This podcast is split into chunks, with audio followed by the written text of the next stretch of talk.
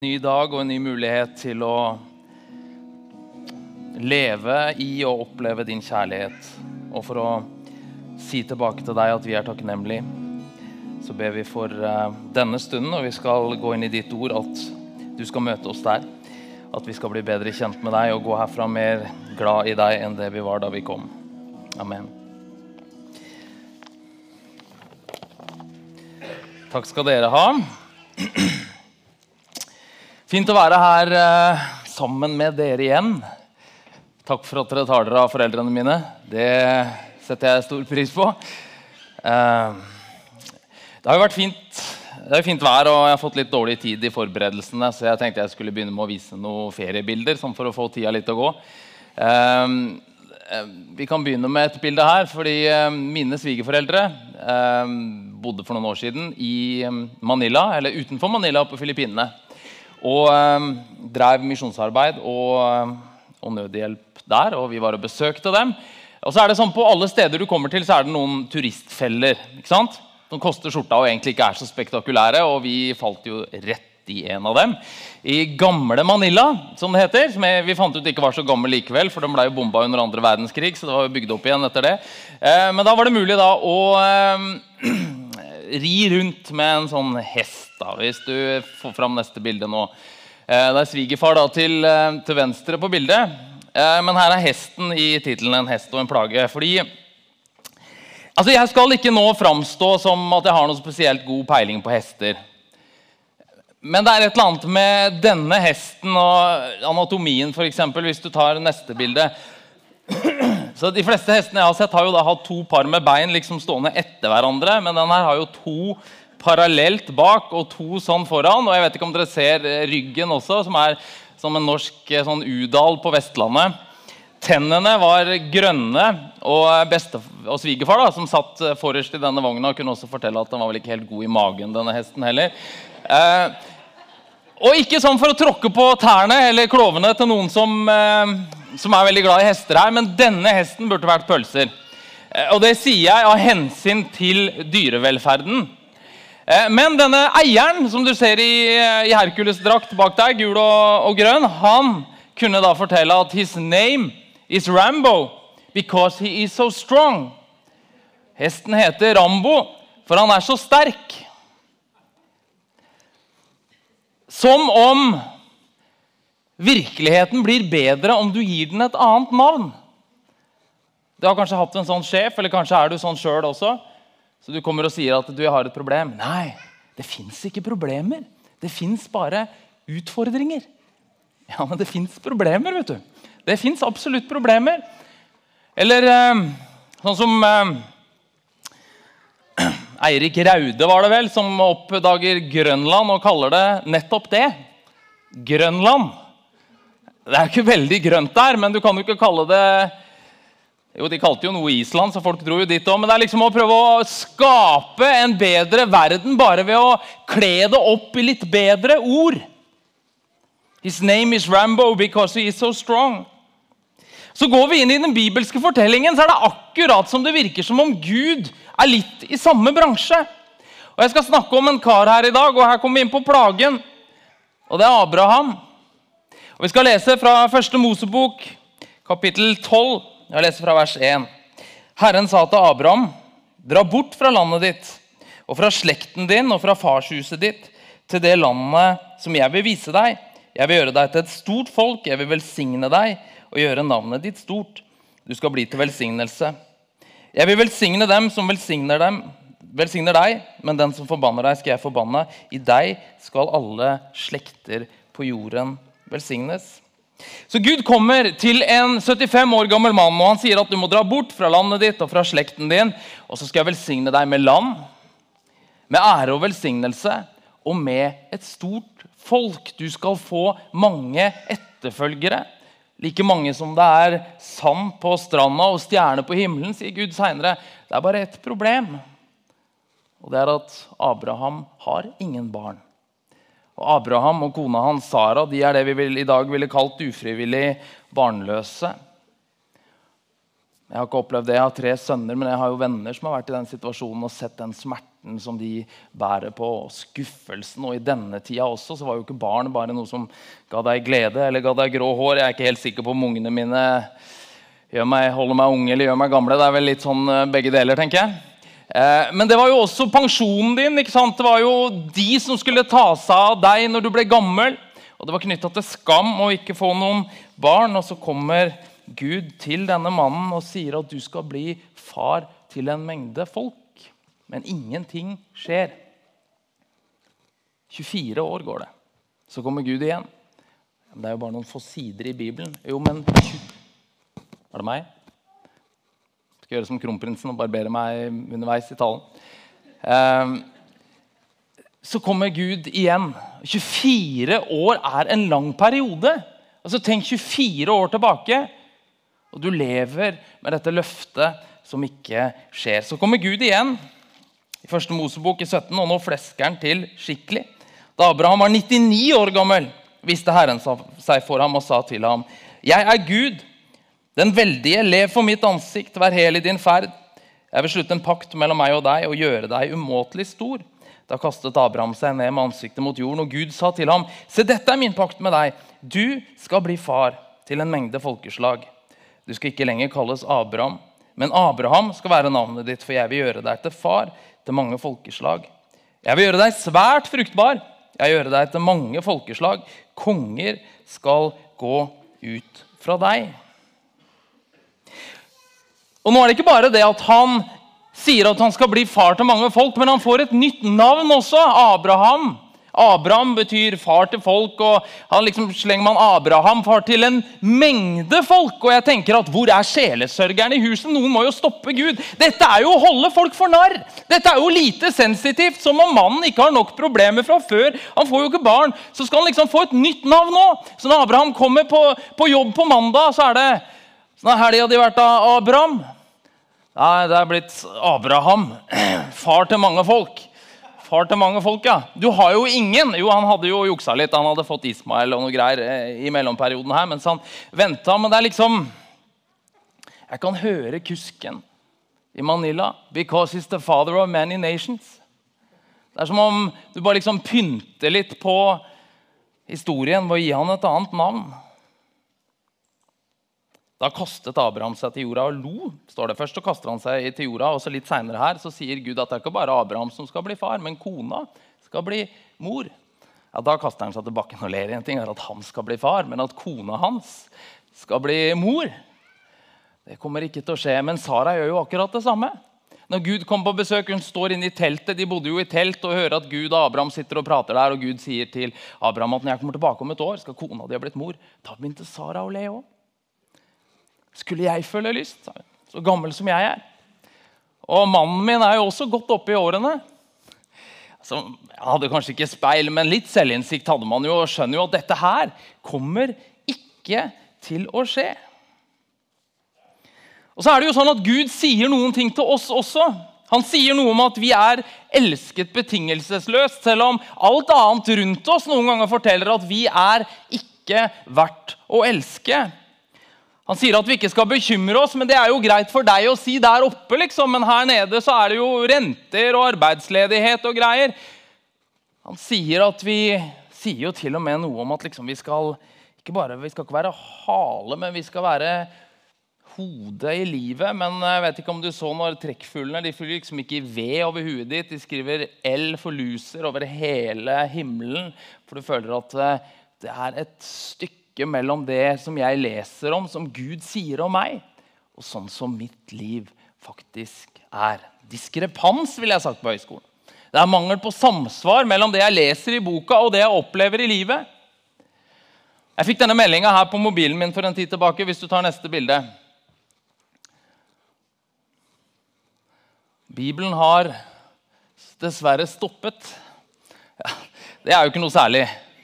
Men det er jo faktisk sånn det funker av og til. Altså Det føles som denne boka virker ikke veldig troverdig. For Gud sier en hel masse ting om meg. Han sier en hel masse ting om hvordan verden skal være, hvordan livet skal være. Men så er det ikke sånn hos meg, og jeg veit ikke om jeg skal gjøre som Abraham og le, eller om det er best å grine. Og så er det en forskjell på Abraham og kusken i Manila. For det er ikke bare sånn at Gud kommer og gir liksom et klapp på skuldra og en oppmuntring liksom for å Don't worry, be happy. Og Hvis du bare later som det er litt bedre, så føles det i hvert fall bedre. Nei, forskjellen er den at når Gud sier noen ting, så skaper det også en ny realitet. Og I Romerbrevet kapittel 4 så løfter Paulus fram Abraham som troens far. Han er en av heltene i Bibelen. Og En av de tingene som, som, som Bibelen løfter fram ved ham, det er nettopp hans vilje til å stole på Gud. Også når ting så ut til å være veldig annerledes enn det Gud hadde sagt. Selv om alt håp var ute, skriver Paulus i Romerbrevet 4,19. Selv om alt håp var ute, holdt Abraham fast på håp og trodde. Og Derfor ble han far til mange folkeslag. Han var nesten 100 år, men ble likevel ikke svak i troen da han tenkte på sin egen kraftløse kropp og på Saras døde mors liv. Han var ikke vantro og tvilte ikke på Guds løfte, men ble sterk i troen og ga Gud ære. For han var overbevist om at det Gud hadde lovet, hadde han også makt til å gjøre. Derfor ble han regnet som rettferdig. Altså Her trengs det mer enn Botox og Viagra. Det, liksom ikke, det sto jo det at han tenkte på seg selv og på Saras døde mors liv. Han var jo ikke sånn at han fornekta dette her og sto foran speilet og liksom eh, jeg er ung, og jeg er ung og viril og kjekk. og alt der. Nei, men hallo, Den står jo der som et skrukketroll og skjønner at dette kommer ikke til å gå. Det, er liksom ikke Eh, bare plastisk kirurgi, som du vet, disse stramme ansiktene du ser i Hollywood. Hvis de rører på kneet, så smiler de, liksom, for de har stramma opp hele veien. Onde tunger i Rjukan når de spilte inn denne Helte fra Telemark-filmen på, på 60-tallet med Kirk Douglas. De sa jo det at han hadde jo en sånn grop i haka. At det var navlen. For han hadde jo liksom blitt stramma opp så mange ganger. Men det trengs mer enn det. Det trengs liksom ikke bare å innbille seg at ting skal være annerledes. Men så er det noe med dette livet med Gud, dette livet i tro, som innebærer å se verden med andre øyne. Som innebærer at det vi ser, er ikke alt som er. Husker Thomas i disippelflokken som kommer til Jesus at jeg Jesus viser seg jo selvfølgelig på det ene møtet han ikke er på. Han har hengt rundt der i tre og et halvt år, han er borte én gang, og da skjer det noe. og De sier at Jesus har stått opp igjen. Jeg kommer ikke til å tro hvis ikke jeg får ta på han. Så kommer han der, og Jesus sier, 'Kom kom og kjenn på sårene mine.' Kom og, kom og kjenn på kroppen min. Han sier, så, men så sier Jesus også til Thomas at uh, fordi du har sett meg, så tror du. Salige er de som ikke ser, og likevel tror. Chesterton, den britiske um, forfatteren han eh, sa det at eh, en gal mann er ikke et menneske som har mistet fornuften. Det er et menneske som har mistet alt bortsett fra fornuften. Livet er mer enn det vi ser og tar og føler på. Og Som troens folk så trenger vi å leve under denne større himmelen. For troen er armen som strekker seg forbi det vi ser, og griper tak i Guds løfter. Og hør dere, Jeg snakker ikke om virkelighetsflukt. For det er en tragisk parodi på kristen tro å fornekte at ting er sånn som de er. Og Noen her, inkludert meg selv, har vært med i kristne sammenhenger hvor det var det man drev med. Ikke ville innrømme at du er syk når du er syk, og ikke vil se realiteten i øynene. Det er en karikatur, og det har ingenting med kristen tro å gjøre. Abraham tenkte på seg selv, han tenkte på Saras døde mors liv. Han ser jo at dette regnestykket går ikke opp. Men likevel så tror han på Gud. Å tro på Gud er å stole på at han holder det han lover. Og da handler det jo ikke dere om hvor mye du tror. Altså Hvis mine barn nå håper jeg ikke de gjør det, de er litt for store, så det kaster seg i armene mine, det blir ikke noe vakkert syn. Men når de var mindre og kaster seg i tillitsfullt i armene mine, så er det jo ikke fordi de er så gode til å kaste seg. Men det er jo fordi jeg står der og tar imot. Og Sånn er det med troen også. Det er jo ikke fordi at du må liksom bygge opp et eller annet voldsomt momentum av tro. liksom, så, så, så, Gud ikke ramler sammen. Som Magnus Mann skriver, at Gud er nesten et sånn halvfabrikat som bare blir hel når du tror på ham. Men det er jo ikke Gud. Da blir jo min og andre pastorers rolle det samme som, som Magnus Mann skriver om. Da, at det blir som Riksantikvarens rolle i forhold til stavkirkene. Du må liksom passe på at ikke de ramler sammen. Ja, Men det er jo ikke Bibelens Gud. Da er det som om Gud ikke er oppgaven verdig. Men tro dreier seg ikke om hvor mye du tror, men det dreier seg om hvem du tror på. Tro dreier seg om tillit og relasjon. Og Derfor er det også det at skråsikkerheten er ikke troens beste venn, men det er troens fiende.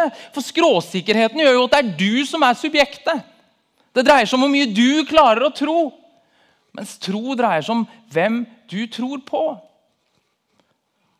Jeg vet hvem jeg tror på, skrev Paulus et sted. Og da er det sånn at Troen er ingen garanti for en eh, problemfri reise. Det vitner jo Bibelen ganske tydelig om.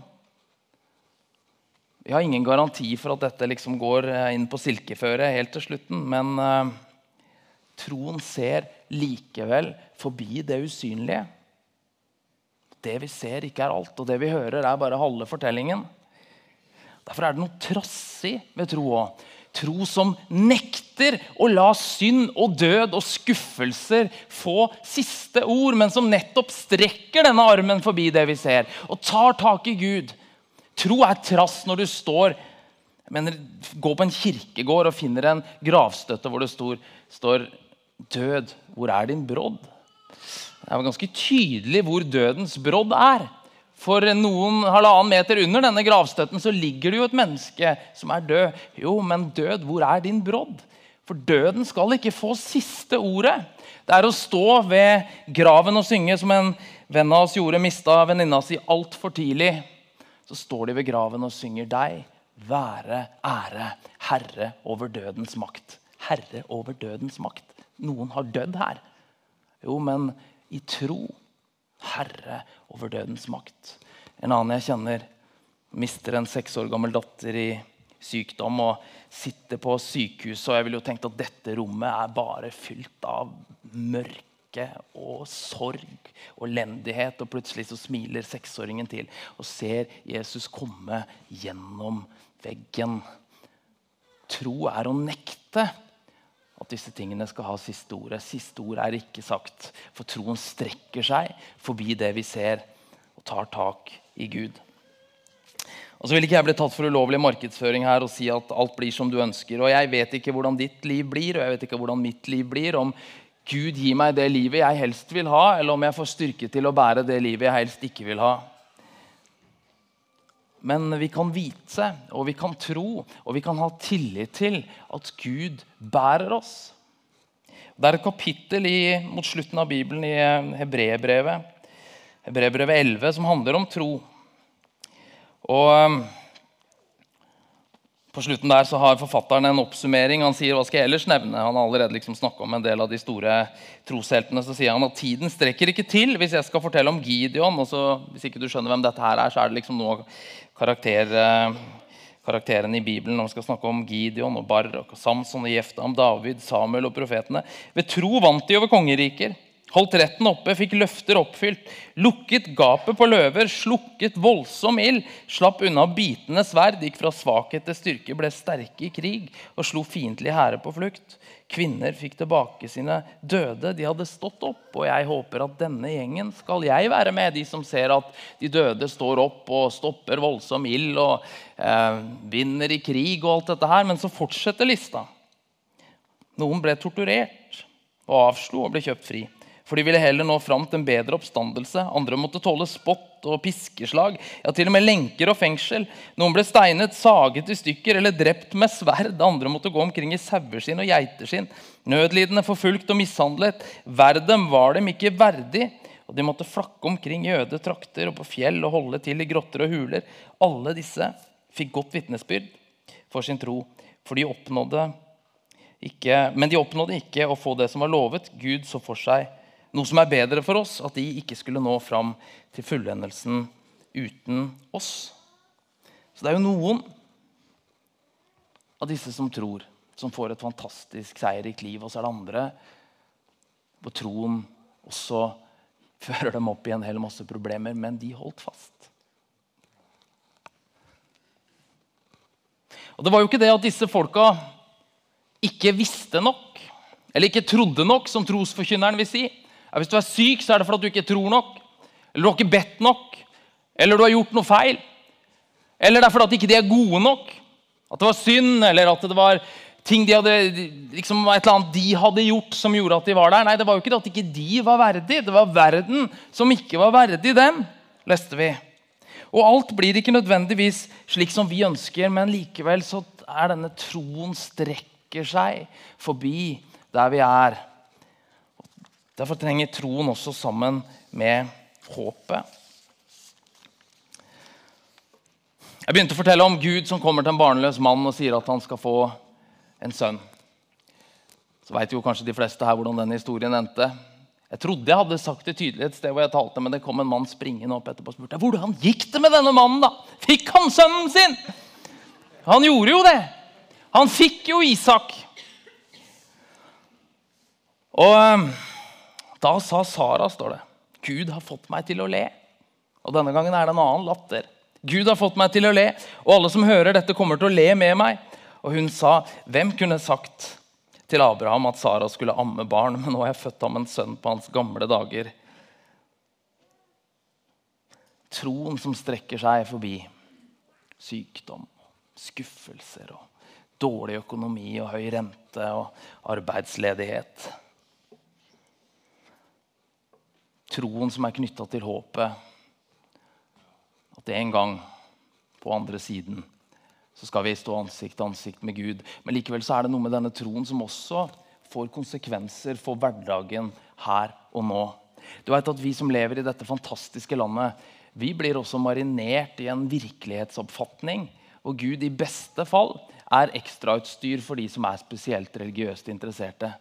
Altså Vi lever Hele verden, hele tilværelsen, kan forklares uten at Gud trenger å være med i den ligningen. Og jeg tenker at Det er en fare for at vi blir bare besteborgerlige og vi blir praktiske ateister og lever på en måte som Gud ikke finnes. Så tenker jeg at denne teksten stiller oss, eller Disse tekstene stiller oss noen spørsmål i dag. Og de stiller kanskje spørsmålet hva om? Hva om dette er sant? Hva om Gud virkelig fins? Hva om disse tingene som du kanskje kjenner at du skal gjøre, men ikke tør? Hva om Gud står ved sitt løfte? Og ikke veit jeg hvor du er i livet, ikke veit jeg hvor skoen klemmer, ikke veit jeg hvor Gud lokker deg. Men kanskje er det sånn at Gud kaller oss som individer og fellesskap til å stole mer på Han til å kanskje dra på et par knepp i vår forventning og frimodighet og gjøre store i forventning til Han. Og Jeg klarer ikke annet enn å tenke når jeg, når jeg ba før møtet her i dag også, og om det er bare fordi jeg spiste for mye grillmat i går, eller om det er liksom Gud som prøver å si noe, det vet jeg ikke. men jeg klarer ikke annet enn å tenke at Gud ønsker å gjøre noe mer i denne byen. At Gud ønsker å gjøre noe mer i våre liv og i våre forsamlinger. Og kanskje trenger vi å strekke oss litt mer. Og tørre å dra på litt mer og stole litt mer på Gud. Og ikke bare se på lommeboka vår og regnskapet vårt og hvordan dette henger sammen, men å tørre å stole på det han sier. For hvis vi tror, når vi tror på Bibelen, så trer vi også inn i denne fortellingen her. Så fortsetter forfatteren av Hebrebrevet etter denne lista av disse trosmenneskene. Så sier han derfor når vi har en så stor sky av vitner omkring oss. Hvilke sky av vitner? Jo, alle disse menneskene som har gått foran. De som levde i tro, de som nektet å la hele sitt liv dikteres av alt som er rundt dem, men som trodde på Gud. Når vi har en så stor vitner omkring oss, så la oss legge av alt som tynger, og synden som så lett fanger oss inn, og med utholdenhet fullføre det løpet som ligger foran oss, med blikket festet på ham som er troens opphavsmann og fullender, Jesus. For å få den glede han hadde i vente, holdt han ut på korset uten å bry seg om skammen. Og nå har han satt seg på Guds høyre side, på høyre side av Guds trone. Ja, tenk på ham som holdt ut en slik motstand for syndere, så dere ikke blir trette og motløse. Herre, takk at vi inviteres inn i din fortelling. Takk at Når du forteller din fortelling, så handler det ikke om hvor mye vi tror, men det handler om hvem vi tror på. Og Gud, jeg, jeg ber for de rundt i dette rommet her som kanskje har gått og tenkt på noen ting eller drømt om noen ting eller opplevd at det er noe de skal gjøre, og de har kjent at det har skorta på frimodighet, og de har ikke helt visst hva de skulle gjøre. Jeg ber om at du skal fylle dem med din tro. Og jeg ber at vi som individer og som fellesskap skal høre din stemme når du kaller, og at vi skal tro til å følge. Amen.